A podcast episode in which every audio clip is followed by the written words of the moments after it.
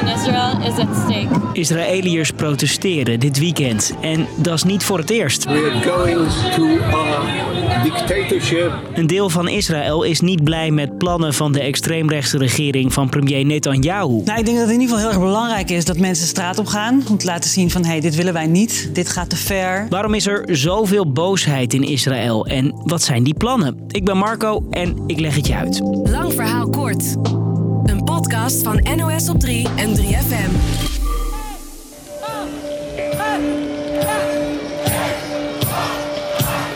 Honderdduizend mensen gingen dit weekend de straat op in Tel Aviv, een stad in Israël. Een super progressieve kustplaats.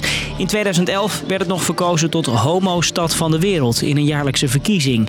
En de grootste Gay Pride wordt er elk jaar gevierd. Maar nu is van een feest al drie weken op rij geen sprake. Mensen blijven protesteren. Ze trekken door de straten met Israëlische vlaggen in de hand. I'm a student, a law student, and once I heard about the reform in the legal system, I was shocked. We are fighting for democracy and we won't let this government to take our freedom. De Israëliërs houden borden vast met Israël, we hebben een probleem. En onze kinderen zullen niet in een dictatuur leven. We as a student protest are against it and want to save our democracy.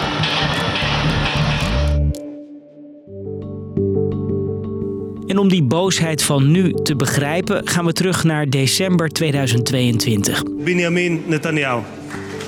De gloednieuwe regering van Israël begint met Benjamin Netanyahu niet voor de eerste keer, als premier. Ah, Het is de meest rechtse en religieus conservatieve regering in Israël ooit.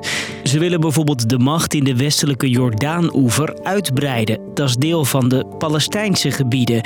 En ook hebben ze een ander plan, vertelt Irella Graziani als antropoloog verbonden aan de UvA in Nieuwsuur. Een van de voorstellen is om het Israëlische parlement om nog meer macht te geven als het gaat om wetten maken en ja, eigenlijk eh, wetten van tafel te vegen. Netanyahu wil dat het Hoge Rechtshof minder machtig wordt en dat kan minderheden gaan raken zoals LHBTI'ers. Het zit zo. In Nederland checkt de Eerste Kamer wetten. En dat heb je in Israël niet. Eigenlijk heb je dus een regering die het uitvoerende macht is. Het parlement maakt de wetten. En het is ook heel belangrijk dat, dan, dat er dan een onafhankelijke partij meekijkt. Dat is dus dat Hoge Rechtshof. Waar we nu nog het uh, Hoge Rechtshof hebben als zeg maar, onafhankelijke tak. Die echt kijkt van gaat het allemaal wel goed? Zijn die uh, volgens, uh, volgens de wetten die er bestaan, volgens mensenrechten, et cetera? De wet moet aan bepaalde basics voldoen. Anders grijpt dat Hoge Rechtshof in. Maar daar moet een eind aan komen, vindt de regering. Ze vinden dat een rechter die niet gekozen is, politici niet mag overrulen, die dus wel gekozen zijn. Ja, eigenlijk is het plan om het heel makkelijk te maken voor, voor het parlement om beslissingen van het Hoge Rechtshof om die teniet te gaan doen. Als dat Hoge Rechtshof geen stem meer heeft, kan de regering dus eigenlijk alles doorvoeren wat ze willen. Ook die ultraconservatieve plannen. En als dat doorgaat, uh, ja, dan zal dat heel veel effect hebben op heel veel groepen, vooral op groepen minderheden. Israël is diep verdeeld. Are you worried about the plans of the new government? I'm not worried about nothing. I'm scared, yes. I'm, uh, I'm worried and I'm, and I'm scared. Vooral Palestijnen en LHBTI'ers vrezen wat er komen gaat. The new government wants to pass laws that discriminate against gays, Arabs, women, anybody who's different. Want in de regering zitten ministers die openlijk nare dingen zeggen over homo's en Palestijnen. Zoals deze man, Ben Givir, de minister van Veiligheid. Hij heeft een lang strafblad en bewondert een terrorist die bijna 30 Palestijnen vermoordde. De minister bezocht de Tempelberg, een heilige plek voor Joden en moslims. En dat werd gezien als het opstoken van het conflict. Volgens Graciani kan gebied van de Palestijnen straks makkelijker worden ingenomen. Want deze minister gaat over de politie. We zien nu al dat het langzamerhand uh, tot annexatie kan komen. En daar zijn deze, de nieuwe ministers, uh, zeker van extreem rechts, die zijn daar uh, er heel erg voor. En er zijn ook zorgen over LHBTI'ers. Aan het begin vertelde ik je over hoe Tel Aviv een stad is waar homo's zichzelf kunnen zijn. Kunnen mensen gewoon samen hand in hand op straat lopen, et cetera.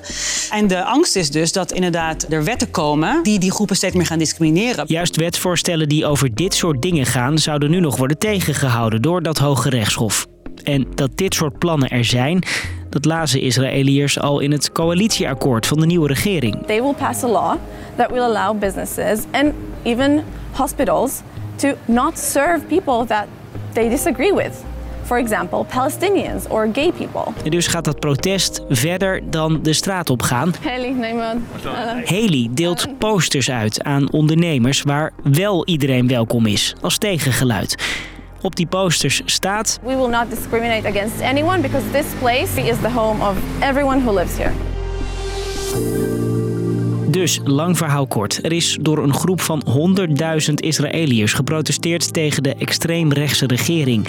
Ze zijn bang dat de controle van de macht verdwijnt, het Hoge Rechtshof. En er zo wetten verschijnen die slecht uitpakken voor bijvoorbeeld Palestijnen en LHBTI'ers. En dat was de podcast weer voor vandaag. Thanks voor het luisteren.